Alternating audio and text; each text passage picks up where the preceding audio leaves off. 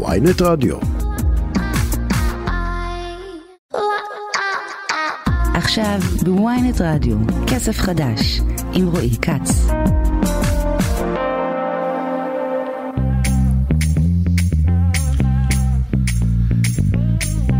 כסף חדש, הרצועה הכלכלית של ynet רדיו. שלום לכם, שבוע טוב, תוכנית יום ראשון של כסף חדש. אני רועי כץ, שקד איילת, עורכת, עמית זק על הביצוע הטכני, ולנו יש תוכנית עמוסה עמוסה עבורכם בשעה הקרובה בוויינט רדיו. מיד הכותרת, רק אתמול. היה בולען בנתיבי איילון, וכבר סדר גודל של קצת פחות מ-24 שעות לאחר מכן, יש מי שלוקח אחריות, יש מי שאומר שהוא ישלם את ההוצאות בגין האירוע, מיד מיד כל הפרטים. אז uh, נדבר הרבה על הבולען, נדבר על פיצויים, נדבר על מי זכאי לפיצויים במקרה של בולען, אבל לא רק נתיבי איילון היום בתוכנית שלנו, נדבר גם על המדדים שהתפרסמו בסוף השבוע שעבר, גם אינפלציה. אינפלציה, גם מחירי דירות, איך זה שהאינפלציה יורדת, מה יקרה במדד הבא, כמה מחירי הדלק השפיעו על המדד, וגם הרבה הרבה נדל"ן. נדבר קריפטו, נדבר בנקאות, אה, חברת קריפטו נוספת מקבלת רישיון מרשות שוק ההון. נדבר גם על מניית אל על, פעם משברית, אה, פעם בקושי שורדת קורונה. מה קרה, למה המניה מזנקת כל כך, ולקראת אה, סוף השעה נדבר כלכלה, נדבר... נדבר אוכל, נדבר שווארמות, ודאי ראיתם את כתבת סוף השבוע בידיעות אחרונות שסקרה את השווארמות בכל רחבי ישראל, גם על הטרנד המטורף של הבשר המסתובב וגם מה נסגר עם המחירים הגבוהים, גם לאפה גם פיתה, גם בחמגשית, מישהו הפך את הלאפה ל fine dining. אני רועי כץ, אנחנו מתחילים עם כתב התחבורה של ynet ושל ידיעות אחרונות. שלום שלום אודי עציון. שלום רועי. טוב, מה, אני לא חושב שבתולדות מדינת ישראל מישהו, איזשהו גורם, לקח אחריות על אירוע כל כך מהר. תן לנו את הכותרת מהבולען בנתיבי איילון, סמוך לצומת עזריאלי. תשמע, ראינו את הכלים הכבדים עובדים שם, את הקידוחים אה, סביב הבולען לחפש בולענים אחרים, את כל החברות עם החיישנים שחיפשו חללים תת-קרקעיים. ואת כל החשבונות האלה ישולמו בידי חברת אה, עזריאלי שבעצם יוזמת את המגדל אה, ואת הבור שנמצא ליד וכנראה גרם לכל הסיפור הזה. זה באמת מאוד מאוד מהר. אה, חברות אחרות יכול להיות שהיו ממתינות לדוחות יותר מסודרים, לתביעות משפטיות, ופה הם קיבלו החלטה שמתקנת קצת את המחדל מראש שהתחיל מהבור הזה, והם ישלמו את החשבונות. וצריך להגיד שהאנשים שעבדו שם וסתמו את הבור, זה אותם אנשי סולל בונה שעובדים עבור אה, אה, עזריאלי וחפרו את הבור מהצד השני שגרם לכל הבעיה. אז רגע, רק ניתן את הכותרת אה, בגרסה הפשוטה שלה, עזריאלי, היא לוקחת אחריות על הנזק שנגרם מאתמול מהבולען סמוך אה, למגדלי עזריאלי, והיא תשלם את ההוצאות שנגרמו כתוצאה מאותו חור שנפער בנתיב הימני של איילון? לפחות את ההוצאות של נתיבי איילון, כן. עכשיו, זה, מה, תן לנו פה קצת פרשנות, אודי, מפני שאנחנו באמת אה, המומים מפרק הזמן וגם המומים מההחלטה. מה זה, זה ניהול סיכונים מושכל של... עזריאלי, או שיש פה משהו מעבר? כי אתה אומר, אפילו תחקיר הנדסי, אפילו תחקיר מדעי, כמה מהר הוא יכול היה להגיע למסקנה כל כך גורפת? כנראה שזה, יכול להיות שזה ממש אה, ברור גם מהתמונה, גם מה שרואים את הקרבה של הבור ושל המי תהום שפרצו בו לכיוון של הבולען. אבל אה, יש פה גם, יכול להיות שהחלטה מושכלת, אם, אם החברה הייתה הולכת להליך משפטי, עם עורכי דין שהם בטח אה, לא, לא יותר זולים מקבלנים, אז הם היו, חסכו ככה הרבה כסף והרבה זמן, ושוב, נהגו באמת בהגינות ויושר שלא מקובלים כל כך היום בארצנו לצערנו. עכשיו אודי, אתה מביא את הכותרת הזו והיא טריה טריה, אבל אז יש את השאלה, אוקיי, מה זה אומר שעזריאלי אה, תשלם על ההוצאות שנגרמו? איזה הוצאות? הוצאות של כל גוש דן שהתנהל היום אה, פחות או יותר תחת האזהרה הסופר מחמירה של שרת התחבורה מרב מיכאלי מאמש שאמרה אל תגיעו עם רכב פרטי וההחלטה של בני גנץ, אה, אה, אתה יודע, לאפשר לחיילים להגיע מאוחר, זאת אומרת על איזה נזק מדובר פה? בינתיים מדובר על, על שיפוי לנתיבי איילון, על העבודות שהם היו צריכים לעשות, גם בבדיקות וגם בסגירת הבולען. יש הערכה כמה כסף זה עלה? אתמול אה, סגרו ככה מרמת השרון עד לצומת השלום, אבל בכלל יודעים ככה מחירים? תראה, אני מניח שהעבודות בלילה זה, זה מאות אלפי שקלים ללילה אחד, כל האנשים שהסתובבו שם אה, הלילה ו, וחפרו ושפכו בטונים. אה, עלויות מעבר לזה יותר קשה לכמת. צריך לזכור שגם רכבת ישראל סגרה אתמול לשעות ארוכות את אה, תחנת השלום ובעצם את הנסיעות מצפון לדרום. והשאלה המתבקשת פה באמת, אודי, זה האם אה, עזריאלי עדיין חשופה לתביעות? נגיד רכבת ישראל שהזכרת אותה כרגע, נגיד עיריית תל אביב, נגיד נתיבי איילון על עלויות נוספות, אפילו, אפילו פגיעה בשם הטוב. שאלה מצוינת, יכול להיות שעצם המהלך וההחלטה שלהם לשלם זה כבר אה, הקטנת נזקים והוכחה שהם באמת מנסים לצמצם את הנזקים לציבור. אה, זה שאלה בטח משפטנים עוד ידענו בה, לא על כל דבר אפשר לתבוע ולהוכיח האם בן אדם שעמד אתמול בפקק במוצאי שבת בגלל החסימה הזאת יכול להגיש תביעה על, על הזמן וכמה ליטרים דלק שהוא בזבז שם, אני לא יודע. אבל לפחות הנזק המאוד מאוד ישיר של טיפול בבולען, בזה הם טיפלו. עכשיו, העובדה שעזריאלי לוקחת אחריות, העובדה שעזריאלי אומרת, אנחנו נשלם את אה, עלויות הטיפול במפגע הזה, יש בו אולי כדי ללמד, להבנתך כמובן, אודי עציון, שמדובר באירוע סינגולרי, שהם אומרים, תקשיבו, זה כל כך חריג, זה כל כך אירוע שלא יחזור, שאנחנו מעדיפים להרוג את זה קטן. גם יכול להיות, אתה יודע, אחד הדברים שיש פער בין אה, הרגולציה סביב חפירת בור עבור חניון לבין אה, בניית אה, כבישים ומנהרות. אם הם היו בונים שם מנהרה עבור כביש, היו הרבה יותר בדיקות ותזכירים של, ה, של הקרקע. יש פשוט פער בין הדרישות אה, של חוקי הבנייה והתכנון בין שני הפרויקטים. יכול להיות שהם רוצים באמת לכבות אש כמה שיותר מהר, שלא יחמירו את הרגולציה בנושא חפירת חניונים, כי היום אין, אין בניין שמתרומם בגוש דן ומתרוממים הרבה, שלא כולל חפירה כזאת עמוקה. אודי, אני מנצל את השנים הארוכות שאתה מכסה את התחום ומסקר אותו, וראינו אירועים אה, הנדסיים לא מבוטלים. אה, אפילו, אה, אני זוכר, בסמוך לרמת החייל, קריסה של חניון ועוד אירועים אחרים, כמובן חמורים יותר וחמורים פחות. בסוף אירוע הבולען הזה כאירוע הנדסי הוא לא אירוע כל כך מורכב. אבל אני באמת, אני, אני באמת מתקשה לחשוב על, על תקדים. זאת אומרת, זה, זה, זה אירוע... אירוע באמת יוצא דופן. נגיד למאזינים שלנו, זו מדינה שאף אחד לא לוקח בה אחריות על כלום, ותמיד מעדיפים לקחת את זה לבתי משפט, אה, כי יודעים שעד שמישהו יחליט משהו, אף אחד כבר לא יזכור כלום. נכון, כי כל האירוע הזה הוא, הוא יוצא דופן, גם בגלל הקבלת אחריות המהירה והטיפול המהיר, הבולען כבר סגור, אה, יכול להיות שלא יצטרכו את כל ה-48 שעות שנדרשו, אה, שעוד הכריזו שיקחו כדי אה, לפתוח את היציאה מחדש לשלום. אבל יש פה עוד אירוע שמראה איזה מדינה, איך אנחנו חיים על הקשקש. בולען בור אחד בנתיבי איילון וכל המדינה עומדת ועוצרת את נשימתה, פעם היינו עושים את זה לכנרת, היום משבר המים כבר נפתר עם כל ההתפלה. אבל בתחבורה אנחנו במשבר, אה, בבצורת אה, מאוד שלמה של אה, תשתיות תחבורה, שאנחנו מרגישים את זה בפקקים. ולכן כן. האזהרה הכל כך חמורה הייתה אתמול של מרב מיכאלי של אל תעיזו לבוא היום במכונות פרטיות, מה שאנשים באמת פעם ראשונה הקשיבו לממשלה ועשו. כן, ויכול להיות שגם האירוע הזה, שככה הכניס אה, למרכז החדשות את אה, שרת התחבורה, יכול להיות שמבחינתה הוא אפילו הסתיים מוקדם מדי. עכשיו אה, צריך נושא אחר בבחירות, חודש וחצי לפני שאנחנו הולכים לקלפיות. אה? יש אה? כבר עוד מסיבות עיתונאים בדרך, אל תדאג, אנחנו נראה כל יומיים. תן לי, תן לי לנחש, הרקע יהיה סגול, כן.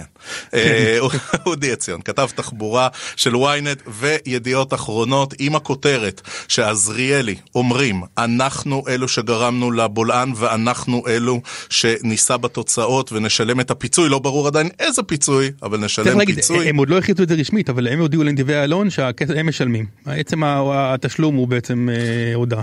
כן, וזו הכותרת שאנחנו מביאים באמצעותך למאזיני כסף חדש, הרצועה הכלכלית של ynet רדיו. אודי עציון, תודה, תודה רבה. להתראות, רועי. אנחנו נשארים באותו נושא. אומרים אה, שלום לסוכן הביטוח שי שדה, הוא יושב ראש הוועדה לביטוח כללי בלשכת סוכני הביטוח. שלום, אדוני. אהלן, צהריים טובים. טוב, תן לנו רגע להבין. אמ, האירוע הזה, אנחנו רגע נשתמש בו ל... כ- כדוגמה לאירוע, ואנחנו יודעים, יש לנו גם בולענים במקומות אחרים בארץ, בדרך כלל בכביש 90, סמוך לים המלח, במקרה הזה זה קרה ממש במרכז תל אביב. אמ, כאירוע ביטוחי, אם החנות שלי נפגעה מאירוע כזה, העסק שלי, או בית פרטי, איך זה עובד? למי אני פונה? אז תראה, אני ככה אתחבר לאייטם הקודם שלכם ולמשפט שלך שאף אחד לא לוקח אחריות, אז uh, האמת שאם אנחנו רגע מנתחים את הסיטואציה של הבולען מבחינת uh, ביטוחים, אז יש כמה ביטוחים שצריכים להתייחס אליהם. בואו נתחיל רגע ברשותך מביטוח דירה, סטנדרטי, מה שרובנו מכירים ולרבים מהמאזינים שלכם כנראה שיש אותם, אז uh, כנראה שאם זה היה קורה, הבולען הזה בבית פרטי של מישהו, אז אה, אולי למרבה ההפתעה זה לא מכוסה בפוליסת ביטוח דירה. סליחה? אה, עוד פעם, עוד פעם? כן, זה לא... אני מתאר לעצמי שזה גם בית פרטי וגם בית משותף. אין לזה מענה בפוליסה סטנדרטית? נכון, אני מחזיר אותך ככה לקריסת המבנה בחולון לפני כשנה וחצי, אה, שהמבנה קרס, וגם לזה לא היה מענה ביטוחי. מקרה של בולען שנפער מתחת לבית, זה לא משנה אם זה בית פרטי או בית משותף, יהיה מכוסה אם הוא התלווה לרעידת אדמה מאוד גדול, לרעידת אדמה או לאיזשהו נזק טבע, לצורך העניין נגיד שהיה שיטפון מאוד מאוד גדול וכתוצאה מכך נסחפה האדמה ונוצר בולען, אז זה נזק טבע קלאסי. וזה כן מכוסה, אבל בולען שנפער לו... אז אם זה צמוד אסון טבע מכוסה, ואם זה אירוע הנדסי או פשוט נפ... נפערה הקרקע, אין כיסוי. בפוליסת ביטוח הדירה, הסטנדרטית. שלזה באמת אין, אין כיסוי.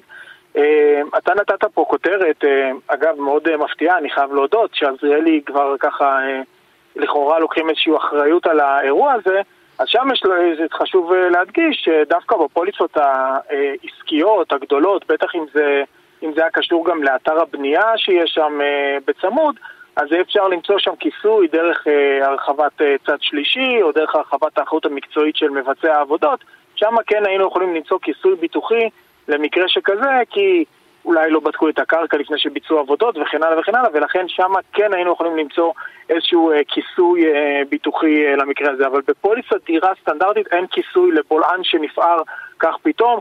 אתה יודע, החבר'ה ב- בים המלח, בקיבוצים והמושבים סביב ים המלח, מכירים את זה על בסיס יומיומי, הבולענים האלה מופיעים שם. עכשיו, שי שדה, אם חס וחלילה אה, אדם אה, נוסע בנתיבי איילון, לפתע אה, נפער בור והוא מוצא את עצמו בפנים, וגם דברים כאלה קרו לדוגמה בכביש 90 סמוך נכון. ל- לים המלח, מה קורה אז?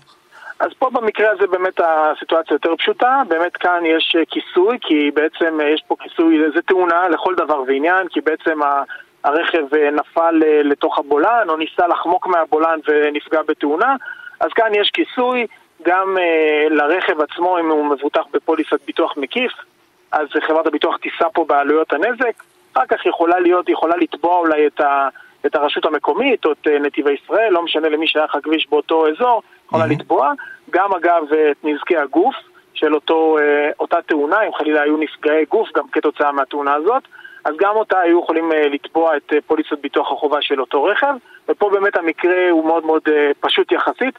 אני חייב להגיד לך שאנחנו לדעתי בסוג של נס, כי אם האירוע הבולען הזה היה קורה 24 שעות מאוחר יותר, ביום ראשון בבוקר, שהעלייה הזאת, מי שמכיר את תל אביב יודע שזו אחת העליות הכי עמוסות אה, בכניסה לתל אביב, היינו באירוע אחר לגמרי, היינו באירוע, אה, לצערי, מזל שלא, כן. באירוע רב נפגעים.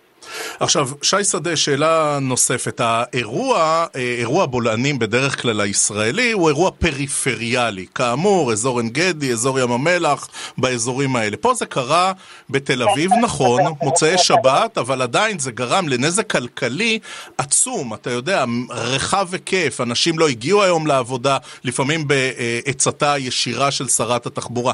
עד כמה האירוע הביטוחי הזה הוא רחב, עד כמה הוא מהדהד, כמה רחוק אפשר לקחת אותו מנפגעים הבוקר, נפגעים פוטנציאליים?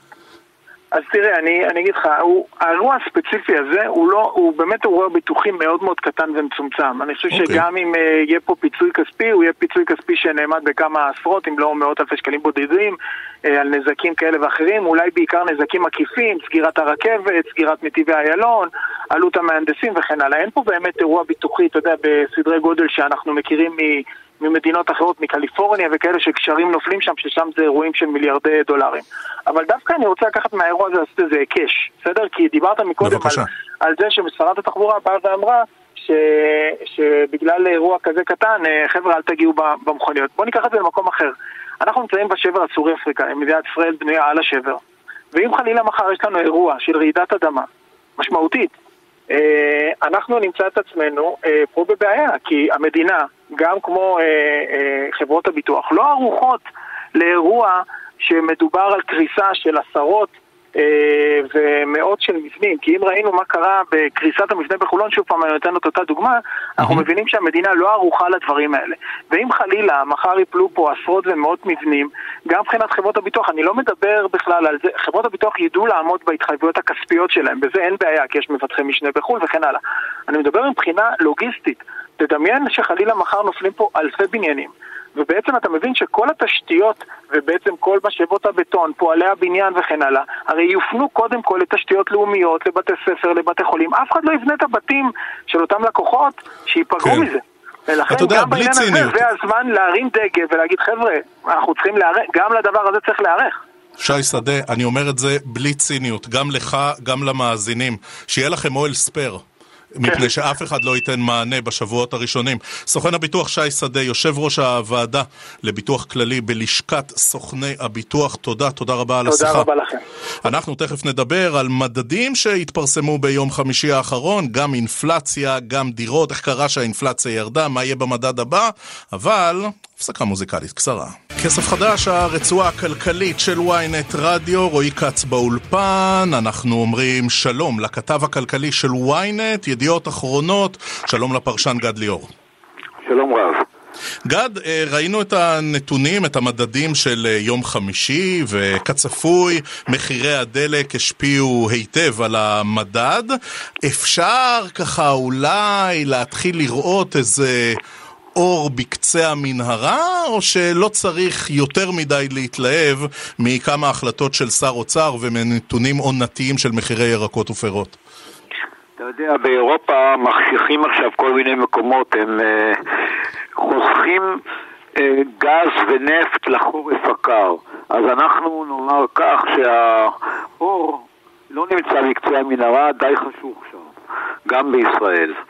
למה? משום שמדובר בהבלחה חד פעמית, פחות או יותר, של ירידה גדולה מאוד במחירי הדלק, שפגשה ירידה בשער הדולר שבינתיים עולה, שפגשו מכירות סוף עונה שהוקדמו, של הלבשה והנהלה, וגם את פירות הקיץ וחלקם שהוזלו. גד, אני, אני, אני רגע אבקש ממך להתקרב לפומית ברשותך. אני מדבר בפומית, אני מדבר... בקווי אפילו, לא... אה, והנה אנחנו שומעים אותך הרבה יותר טוב. אז אני אומר, כל אלה נפגשו יחד, זאת אומרת, הירידה בדולר והירידה במחירי הדלק ומכירות סוף העונה של הלבשה והנהלה והביאו לירידה במדד שלא תחזור כנראה בחודשים הקרובים. נכון שבספטמבר יש עדיין תחזית למדד אפסי, mm-hmm. אבל ככל הנראה באוקטובר תמיד המדד הוא גבוה, זה מדד עונתי גבוה, ו...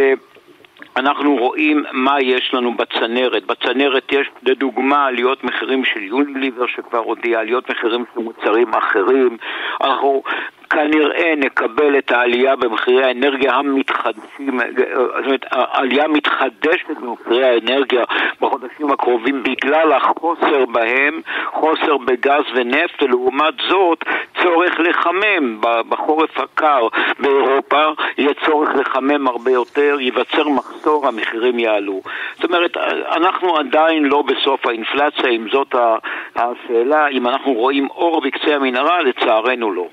אז גד, אה, זאת הייתה האינפלציה הרגילה, בואו נדבר על אינפלציית הנכסים, ולמרות שיש ירידה במספר עסקאות, ולמרות שיש ירידה בהיקף משכנתאות, לפחות מנתוני הלשכה המרכזית לסטטיסטיקה, אנחנו רואים התייקרות, נכון, אה, כמעט 2% במחירי הדירות ביוני-יולי, התייקרות של כמעט 18%, 18% בשנה האחרונה, ושמע, אלה מספרים משמעותיים מאוד. זה נכון, אנחנו רואים פה משבר חמור מאוד שהממשלה הקודמת והממשלה הנוכחית לא טיפלו בו כפי שצריך לטפל. זה לא טלאי על טלאי, צריך פה תוכנית אמיתית, גדולה, ולהעביר אותה בכנסת, לא כמו הממשלה הנוכחית שיצרה ארבע תוכניות ואת רוב סעיפיה לא הביאה לאישור בכנסת, אז מה זה עוזר? אז מה זה עוזר?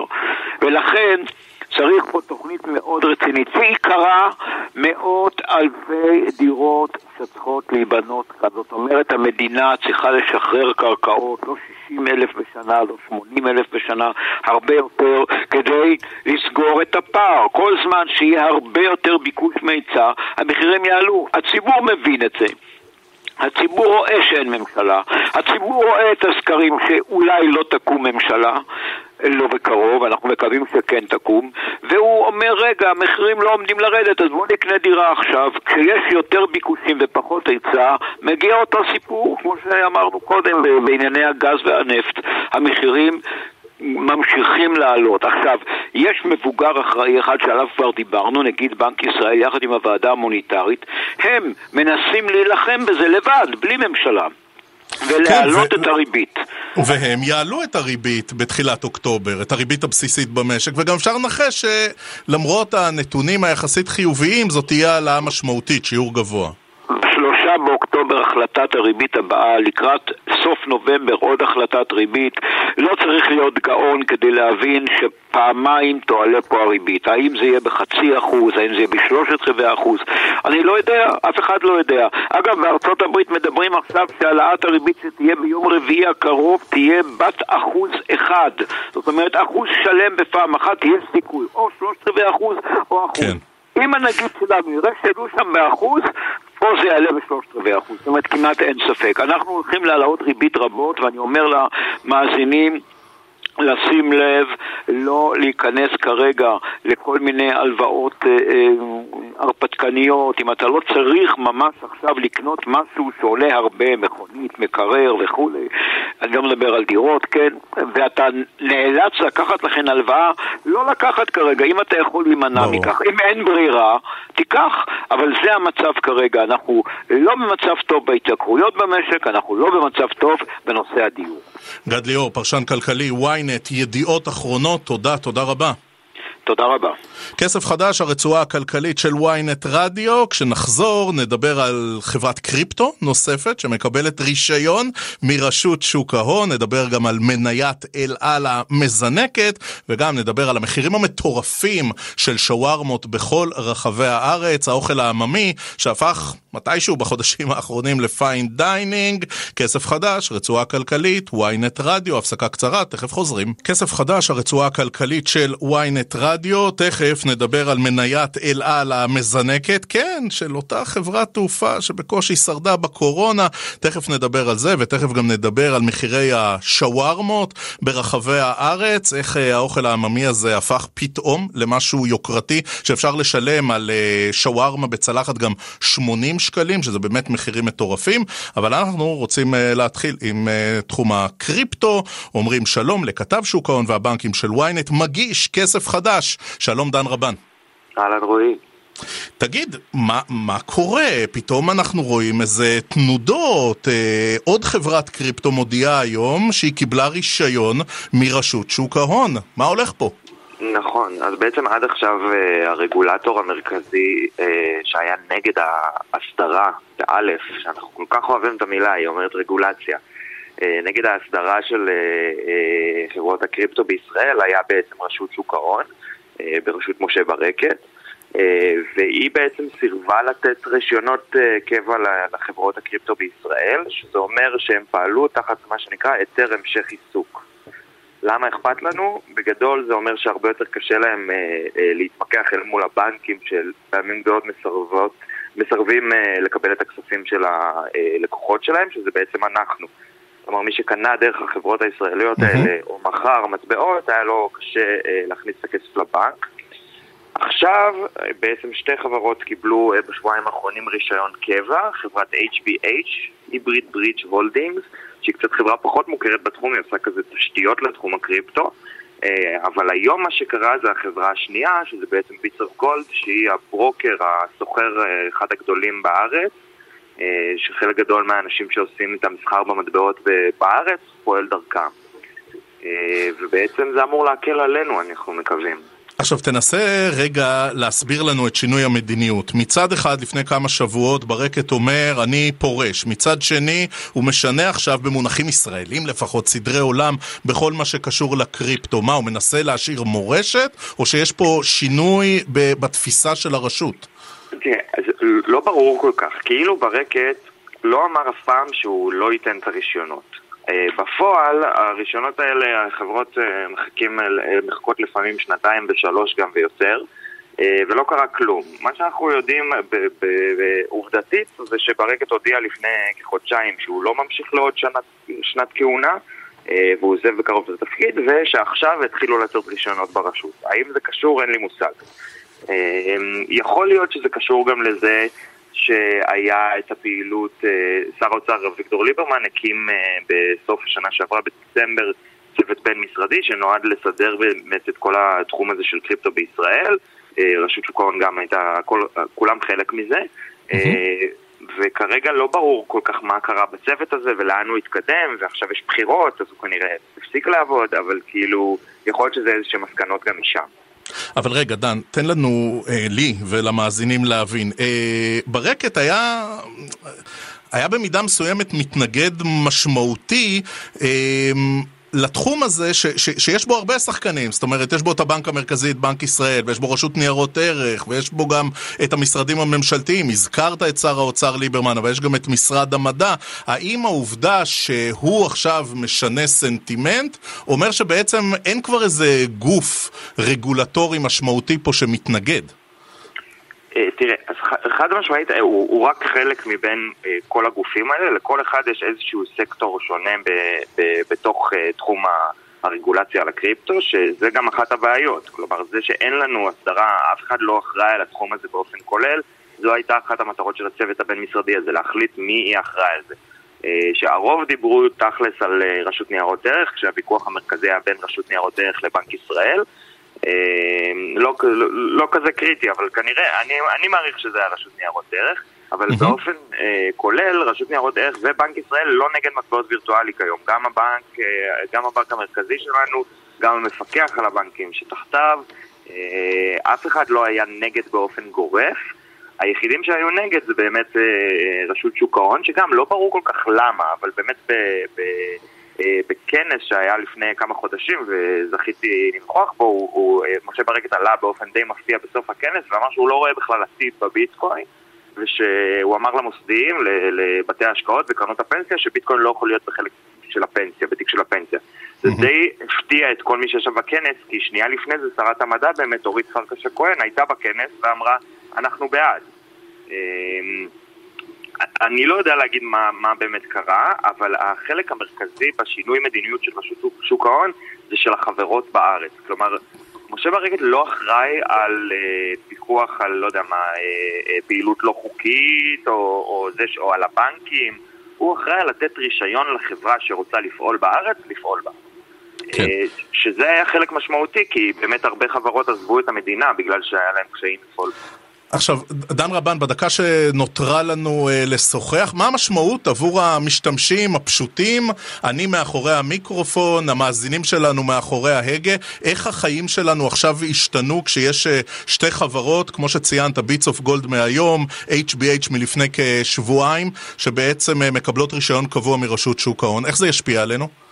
תראה, זה, א' זה מגמה, כנראה שיותר ויותר חברות ישראליות יקבלו את הרישיון הזה, וכנראה שזה ישפיע על הבנקים לפעול קצת יותר בפתיחות ראש, בוא נגיד ככה, אל מול סוחרים שעובדים עם החברות האלה. הבעיה היא שרוב הסוחרים בארץ פועלים, לא יודע אם זה בעיה, כן, אבל העובדה היא שרוב הסוחרים בארץ פועלים דווקא דרך חברות בינלאומיות, כמו בייננס וקראקן. אה, לבייננס אין רישיון, וקראקן יש לה, אבל זו סיטואציה שונה לחלוטין, היא חברה בינלאומית, היא לא כפופה בכלל לרשות שוק ההון. לכן זה לא בהכרח מבטיח אה, שהבנקים יקבלו את הכספים שלנו, מה גם שכאילו ההגדרה של אה, בנק ישראל, שאמורה להיכנס לתוקף בנובמבר, אה, של אתם לא יכולים לסרב באופן גורף לכספי קריפטו, לא אומרת אתם חייבים לאשר לכל כספי קריפטו. כלומר, היא די משאירה פרצה גדולה. בסופו של דבר אנחנו כנראה נהיה עדיין תלויים בשיקול דעתם של הבנקים.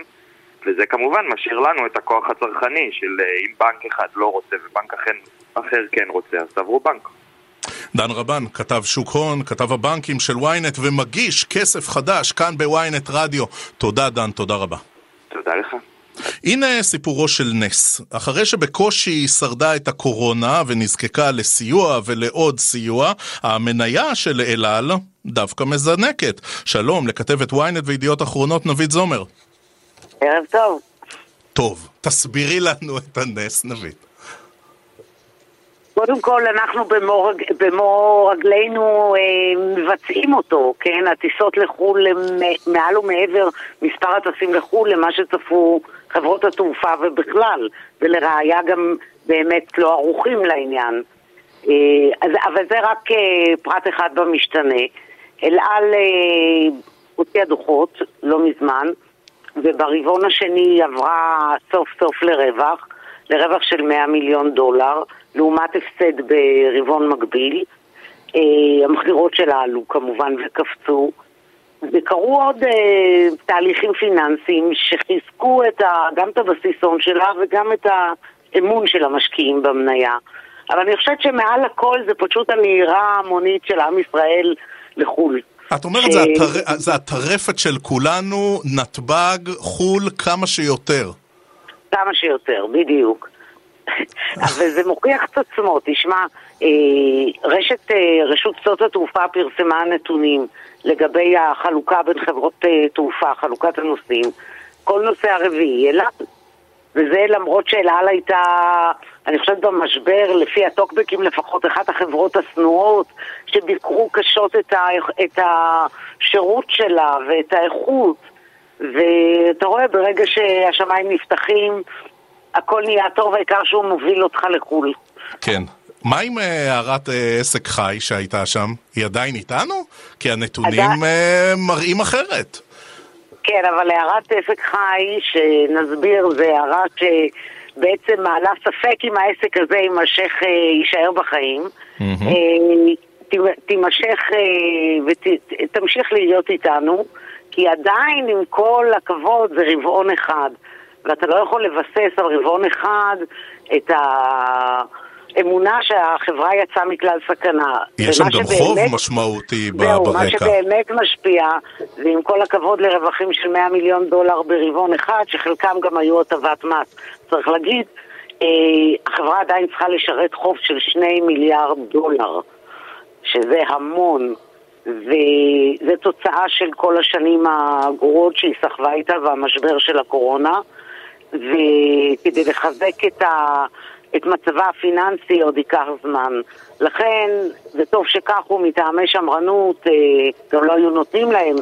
הערת האזהרה עוד תלווה אותנו, וחובת ההוכחה עדיין על אל על. תראה, המצב בסך הכל הוא שברירי בעולם.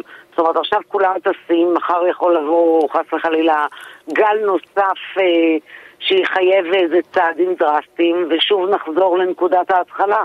עכשיו, יש פה קצת מחוכמת הבדיעבד בשאלה שלי, אבל פעם אחרי פעם אלעל כן. מגיעה ומבקשת שהמדינה תציל אותה, והיא כבר לא חברת תעופה לאומית, למרות אה, דגל ישראל על הכנף. יכול להיות שהיינו צריכים להתייחס לזה קצת אחרת, מתוך הבנה שיש פה באמת משבר עסקי גלובלי, ראינו אותו בכל תחום התעופה, ולא תמיד צריך לבוא אלינו משלמי המיסים כדי שנכסה חובות? אתה מציג את זה בצורה הזאת וזה נשמע כאילו התשובה היא ברורה לגמרי. אבל אם נחזור למלחמות קודמות, כשאף חברת תעופה לא רצתה לטוס לישראל, או אף חברת ספנות, בסוף צריך לזכור, ישראל היא אי בים. וברגע שאתה מנתק את הגשר האווירי שלו, ואתה לא יכול לסמוך בעניין הזה על חברות זרות, כי דרך אגב, אחת הסיבות שמפסיקים לטוס, כי הביטוח, הביטוח שלהם ברגע שיש מלחמה בישראל לא מכסה אותם, אתה לא יכול באמת להישאר בלי חברה לאומית, פורמלית, לאומית, לא פורמלית, אבל בלי חברה גדולה שאתה יכול להישען עליה. ולראיה, המדינה מחזיקה במניית זהב באל על. זה לא סתם. עדיין אל על זה, אפשר להתייחס כמשאב לאומי במובן הזה ששומר על הגשר האווירי שלך. כן, יש פה... פה... נכון? לא, אני אומר, יש פה באמת איזה מעמד ביניים כזה. חברה אומנם אה, עסקית, כבר לא אה, לאומית, אבל אה, בכל זאת, היחס אליה הוא באמת צריך להיות מורכב. נכון. עכשיו, אל תשכח שאל על אה, גם הרבה פעמים עושה טיסות מטענים או טיסות בית שירות מדינה, טיסות עלומות נגיד, משימות עלומות בשירות מדינת ישראל. Mm. זה הרבה יותר מורכב מאשר... אה, אם היא מטיסה תיירים מהארץ, הם יכולים לנסוע גם בחברה אחרת, ואין הבדל. אז לכן אני חושבת של... תראה, גם הטייסים אה, מנצלים את זה. הם יודעים שלא ייתנו לאלעל ליפול. המדינה לא תיתן בסופו של דבר לאלעל ליפול. אלא אם כן יצמחו פה, באמת ישראל תהפוך לחברת ענק, ואולי גם ארקיע, ויהיה כבר אופציות אה, נוספות. כן. נבית אה, זומר, כתבת ynet, ידיעות אחרונות, תודה, תודה רבה על השיחה. תודה לכם, ביי. כסף חדש, הרצועה הכלכלית של ynet רדיו, עושים הפסקה מוזיקלית קצרה, ואז מדברים על טרנד השווארמות שכבש את ישראל, ומתי התחלנו לשלם כל כך הרבה כסף על בשר צלוי בקצת בצק. תכף חוזרים. כסף חדש, הרצועה הכלכלית של ynet רדיו. זה קורה כבר אה, כמה חודשים ברחבי ישראל, טרנד שווארמות מטורף שוטף את הארץ. Uh, כתבת ענק במוסף שבעה ימים בסוף השבוע האחרון בידיעת, בידיעות אחרונות, אה, עמדה, עמדה על הפנומנה. שלום איציק ששו. אהלן, מה העניינים? אני בטוב, כתב שבעה ימים ואתה לקחת על עצמך מסע מסע כן. בכל רחבי ישראל אמ, שעוסק באותו שיפוד מסתובב. אני אתחיל ברשותך במחמאה. מי הגאון שנתן את הכותרת הכבש השישה עשר? יואב ריבק העורך, ובהחלט גאון. תגיד, מתי זה קרה? הרי שווארמה זה לא חדש, כן? אה, כן. מילדותנו זה הסתובב וכדומה, אבל, אבל מתי זה קרה ש, שהתחלנו לעסוק בזה כל כך? בדיונים ברשתות החברתיות, בוויכוחים, מתי? תשמע, אני חושב שזה מאז ש... אתה יודע, בתכל'ס בשנים האחרונות אוכל בכלל נהיה עניין. פעם לא היה foodies, פעם היית מקבל את המנה שלך ופשוט אוכל אותה, לא היית מחפש פילטר, נכון? אז המון, אני חושב שהמון דברים השתנו בקשר לאוכל בכלל. ובסוף זה הגיע גם לשווארמה, והאמת שצריך להגיד שזה אחד הדברים שגיליתי במסע הזה, כמו שאתה מדבר עליו, שהוא בתכלס עשיתי איתו במשך כמה חודשים, כי יש גבול גם לכמה שווארמה אני יכול לאכול. כי מתישהו אה, יתקשרו מהקרדיולוג. כן, זה בכלל, זהו. ואז אז, אז אחד הדברים שגיליתי זה שהשווארמה כן אבל השתכללה, זה לא בדיוק אותו דבר שאנחנו אוכלים כבר 20-30 שנה. אה, הבשר השתנה, הבשר השתכלל, התוספות השתנו, גיליתי שיש לדבר הזה pop-up שווארמה, שזה בכלל פוצץ לי את הראש הדבר הזה. uh, אז כאילו זה, זה, זה משתנה, זה לא, זה לא לגמרי מה שאנחנו זוכרים. טוב, תן לי אה, לנצל את המסע הזה שלך ולנסות אה, לקבל פה כמה תובנות. קודם כל, יש הבדל בין שווארמות פריפריה, והיית בעומק הפריפריה, ובין אה, שווארמות של גוש דן? אה, אם יש הבדל, זה בעיקר במחיר קצת, אה, לטובת הפריפריה כמובן. אה, וקצת אני חושב דווקא בכל המסביב, זאת אומרת, דווקא בכל הסלטים והדברים האלה מסביב, אני חושב ש... כן הצלחתי לראות איזשהו הבדל.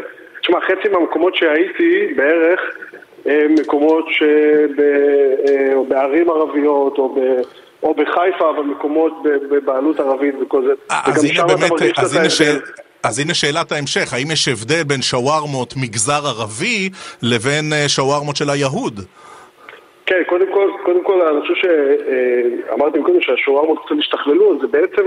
מה שקרה זה קצת אישרנו קו עם מה ממה שהערבים בישראל לפחות עשו פה במשך שנים. זאת אומרת, זה הולך לכיוון של העגל וכבש ודברים כאלה. הרי, הרי היהודים, הישראלים היהודים המציאו את ה...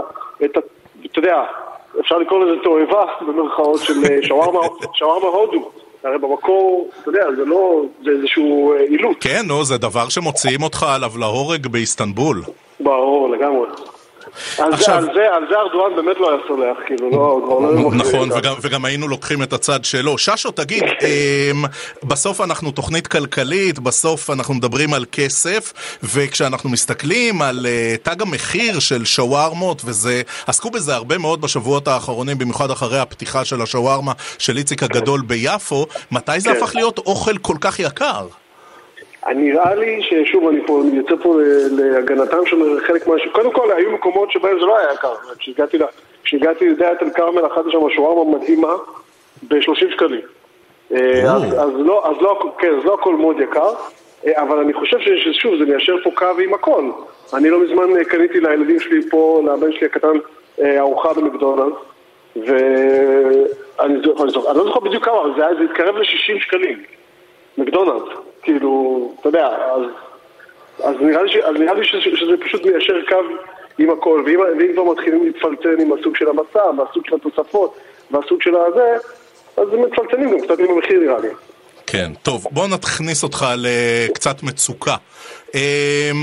מכל 16 התחנות ומכל המיקומים, ואחרי שגם יש לך פרספקטיבה, כי זה כבר לא בזמן אמת, מהי השווארמה של מדינת ישראל רגע לפני ראש השנה? תן לנו אותה. שווארמת השנה של איציק ששו. שמע, אני אפרגן אחד המקומות שהייתי, אחד המקומות האחרונים שהייתי בהם, כמו שאמרתי, זה היה בדלית אל כרמל, אה, זה נקרא שווארמה אל-באשה, אה, בחור סופר חמוד שפגשנו שם, השיפוט שלו אה, מותקן, אם אני לא טועה, הרוב שם זה כבש ו... כן, אתה, אתה, כותב. אתה כותב 80% כבש, השאר כן. סינטה ואנטריקוט. בדיוק. רגע, אה, זאת ו- השווארמה ב-30 שקלים? ב-30 שקלים, כן. שזה, מה זה? ועוד לא מדבר, ואני עוד לא מדבר על הקפה הקטן שלפני, וכל הסלטים שמסביב, וכל זה. כיף גדול. אה, אז אני חושב שהוא גם היה אחד המקומות שהאחרונים שהיינו, אז דווקא יכול להיות שגם גם הייתה איזושהי פרספקטיבה יותר ארוכה, וקיבה גם יותר גדולה כבר. אז אה, כן, אז אה, אותו מאוד אהבנו. עכשיו תגיד, אה, תן פה שנייה drill down לתוך הניסוי העיתונאי והמשימה הנועזת. תמיד בלאפה או רק בפיתה או לפעמים לא, בצלחת? תמיד בפיתה. לא, לא, תמיד רק בפיתה. רק כאילו, בפיתה. היה- כן, זה היה אחד הדברים שכאילו ש... אה, שאמרנו שיהיה לנו איזשהו, אתה יודע, איזה בנצ'מארק קבוע. אני בכלל כן. חושב שכל דבר אחר, אני חושב שכל דבר אחר הוא חילול הקודש, אני חייב להגיד. כאילו, בעיניי כל דבר אחר הוא אה, לוקח את הפוקוס מהבשר, אה, וזה... שמע, אני, לא, אה, אני לא אכנס לוויכוח, ואני כידוע באר שבעי, אז אני מאמין גדול בשווארמה בבגט, שהוא אה, חלילה? צד של הטבע. כן, גם בדרך כלל גם מתחילים איתו עם הצד כזה, נכון? כמו, כן. קצת כמו, כן, בדיוק. ברור, ברור. רגע, אבל השאלה, אבל השאלה, רועי, השאלה אם אתה מוציא את הבפנים. כן, כן, כן, כן, שאלה. אה, חייבים. חייבים, חייבים. אה, חייבים, ברור. אתה מקצוען, אתה מקצוען, זה לא סתם. בדיוק. איציק ששו כתב 7 ימים, תודה, תודה גדולה על השיחה. בכיף, בשמחה. בכיף, ביי ביי.